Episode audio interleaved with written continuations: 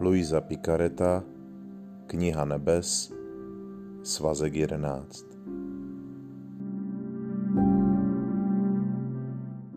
Pátého února 1913 Duše, která neplní boží vůli, nemá právo na nic. Je vetřelcem a zlodějem božích věcí. Rozdíl mezi boží vůlí a láskou. Dnes ráno přišel můj vždy obdivuhodný Ježíš jako stín a blesk a řekl mi, má dcero, kdo neplní mou vůli, nemá důvod žít na zemi. Jeho život se stává bezúčelným, bez prostředků a bez konce. Je jako strom, který není schopen přinášet žádné ovoce, na nejvýš může produkovat jedovaté plody, kterými stále více otravuje sám sebe, stejně jako každého, kdo by je nerozvážně jedl. Tento strom nedělá nic jiného, než že krade ubohou dřinu zemědělce, který kolem něj s námahou a potem okopává půdu. Stejně tak duše, která neplní mou vůli, mě neustále šidí a tyto krádeže přeměňuje v jed. Je kolem mne, aby mne okrádala, krade mi dílo stvoření, dílo svého vlastního vykoupení a posvěcení. Krade mi sluneční světlo, jídlo, které přijímá, vzduch, který dýchá, vodu, která hasí její žízeň, oheň, který ji hřeje a půdu, po které šlape, protože to vše patří tomu, kdo plní mou vůli. Vše, co je moje, je také její. Na druhou stranu ten, kdo mou vůli neplní, nemá žádná práva. A tak se cítím, jako bych byl neustále okrádán. Duši, která neplní mou vůli, je třeba držet jako škodlivou a podvodnou cizinku, proto je třeba jí spoutat řetězy a uvrhnout do nejhlubšího vězení. Po těchto slovech zmizel jako blesk. Jindy přišel a řekl mi, chceš znát rozdíl mezi mou vůlí a láskou? Má vůle je slunce, láska je oheň. Má vůle stejně jako slunce nepotřebuje potravu ani její světlo a teplo neroste či neubývá, zůstává stále stejná a její světlo je vždy nejčistší.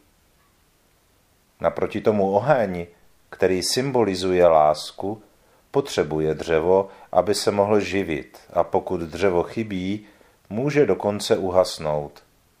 Roste a ubývá podle toho, jaké dřevo je do něj vloženo – proto podléhá nestálosti a jeho světlo je pochmurné, smíšené s kouřem, pokud lásku neřídí má vůle. Poté, co to řekl, zmizel. V mé mysli zůstalo světlo, díky němuž se mohla pochopit, že boží vůle je pro duši jako slunce, protože činy, které jsou konány jako činy chtěné Bohem, tvoří z boží vůli jednu jedinou věc, a to je, že tvoří slunce. Lidské činy a celé bytí duše spojené s božím jednáním a bytím jsou dřevem, které toto slunce živí. Duše sama se tedy stává dřevem, které poskytuje boží vůle. Toto dřevo však není jako dřevo, které živí lásku. Nemůže chybět. Toto slunce nepotřebuje potravu. Neroste ani neubývá, je vždy rovno samo sobě. Jeho světlo je nejčistší, protože se podílí na všem.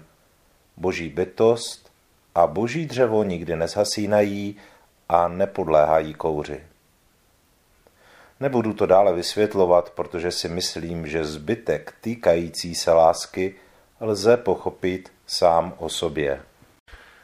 Příběh o syrském vojevůdci Námánovi je velmi bohatý a plný zajímavých momentů, které jsou pro náš život hodně důležité. Náman nedokázal pochopit, že Elizeus není jenom nějaký zaříkávač, ale že je to prorok živého Boha.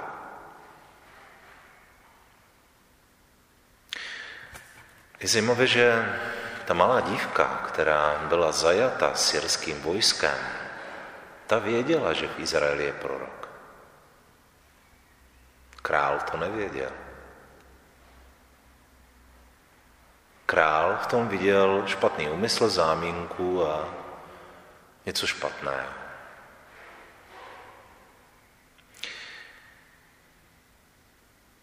Proč jsi roztrhl roucho, píše Elizeus králi. Pošli ho ke mně, ať pozná, že v Izraeli je hospodinův prorok. Prorok, skrze něhož působí boží moc. Ne nějaký zaříkávač, mák, který využívá různé triky. Ale prorok, který, ve kterém působí boží síla. Člověk, který takto vstoupí do hlubokého spojení s Bohem, je jako slunce, které nepotřebuje se ničím živit a dává nekonečné světlo a teplo, neroste, ani neubývá jejího světla a přitom je nejčistší. Ten, kdo takto žije v Bohu, kdo vlastně dovolil Bohu, aby celé prozářil jeho nitro, jeho celý život, tak je jako takové slunce. Naproti tomu člověk, který se snaží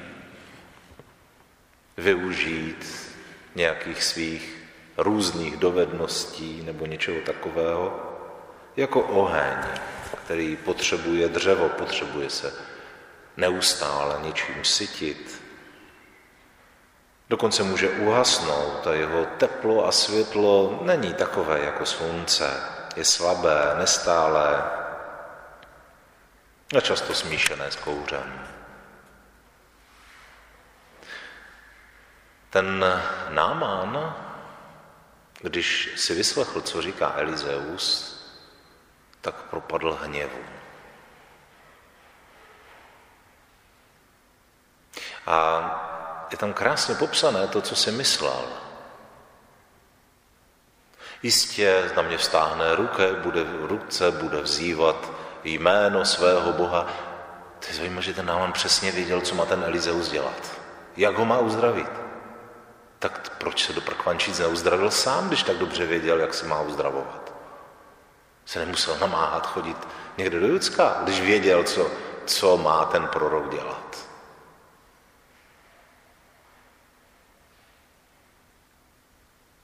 A v tomto je právě ten náman zaslepený. Protože on přece ví, co mají ti druzí dělat a jak to mají dělat.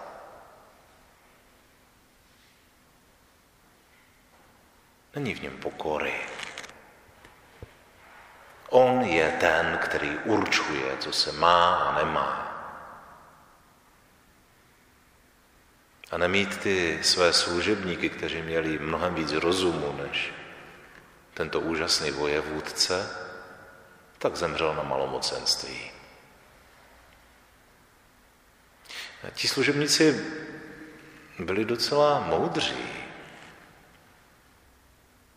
Říkali mu, Kdyby po tobě prorok chtěl něco náročného, těžkého, dobít nějakou zem, nebo já nevím, přinést nějaký kdo jaký poklad, co pak bys to neudělal?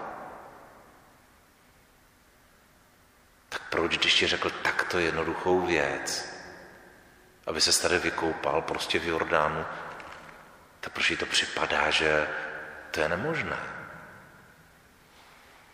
Tak to zkus. Mě napadlo, že ten náman, když do něho tak kluli, to říká, jo, já tam vlezu jenom proto, abych vám ukázal, že to nefunguje.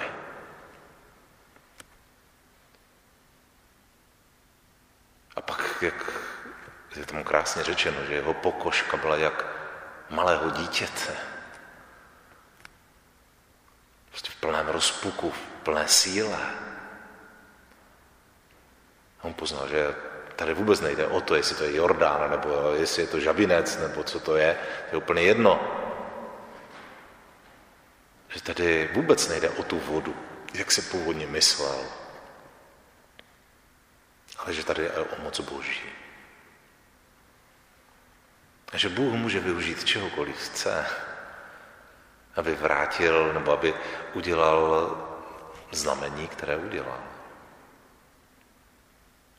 A ten náman přichází k tomu prorokovi znova a říká, už vím, že není Boha, kromě Boha Izraele. Takový šok to pro něho byl.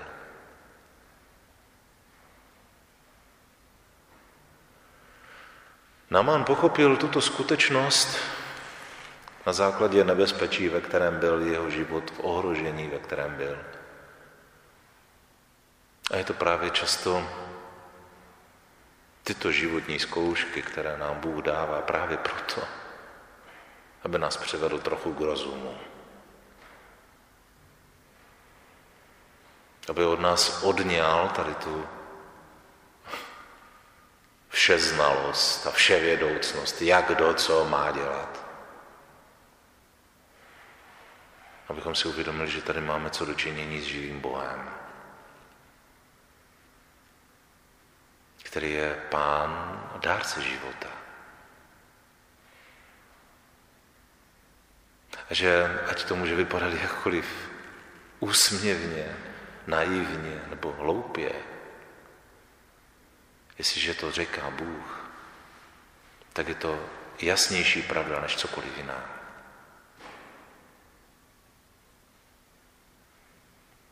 Bůh nám dává mnoho zkušeností, abychom, si, abychom toto zakusili. A můžeme říct, že každá, vlastně, každá zkouška života, která přichází, nás má přivést k tomu, co zjistil Námán.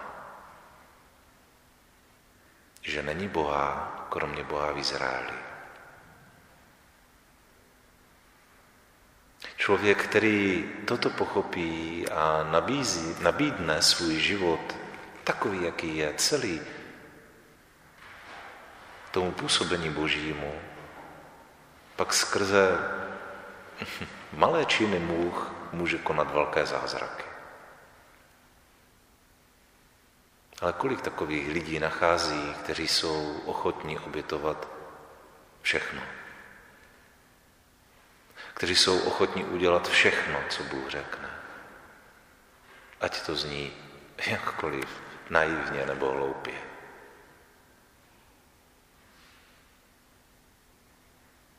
Námán by měl být pro nás poučením.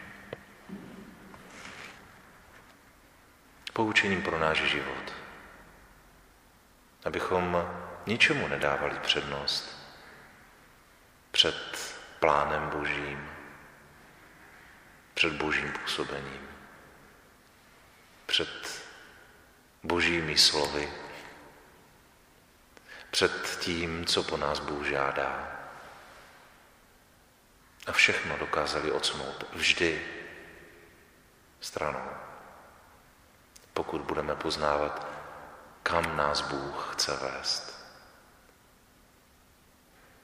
Tím dokonalým příkladem je právě Maria která tisíckrát ve svém životě osvědčovala tuto úžasnou schopnost být k dispozici pánu, ať chce po mně cokoliv.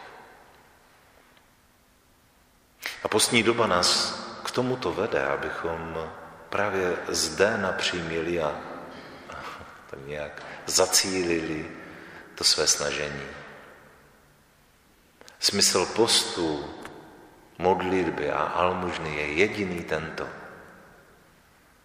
Abychom vždy dávali Bohu přednost před vším ostatním. Amen.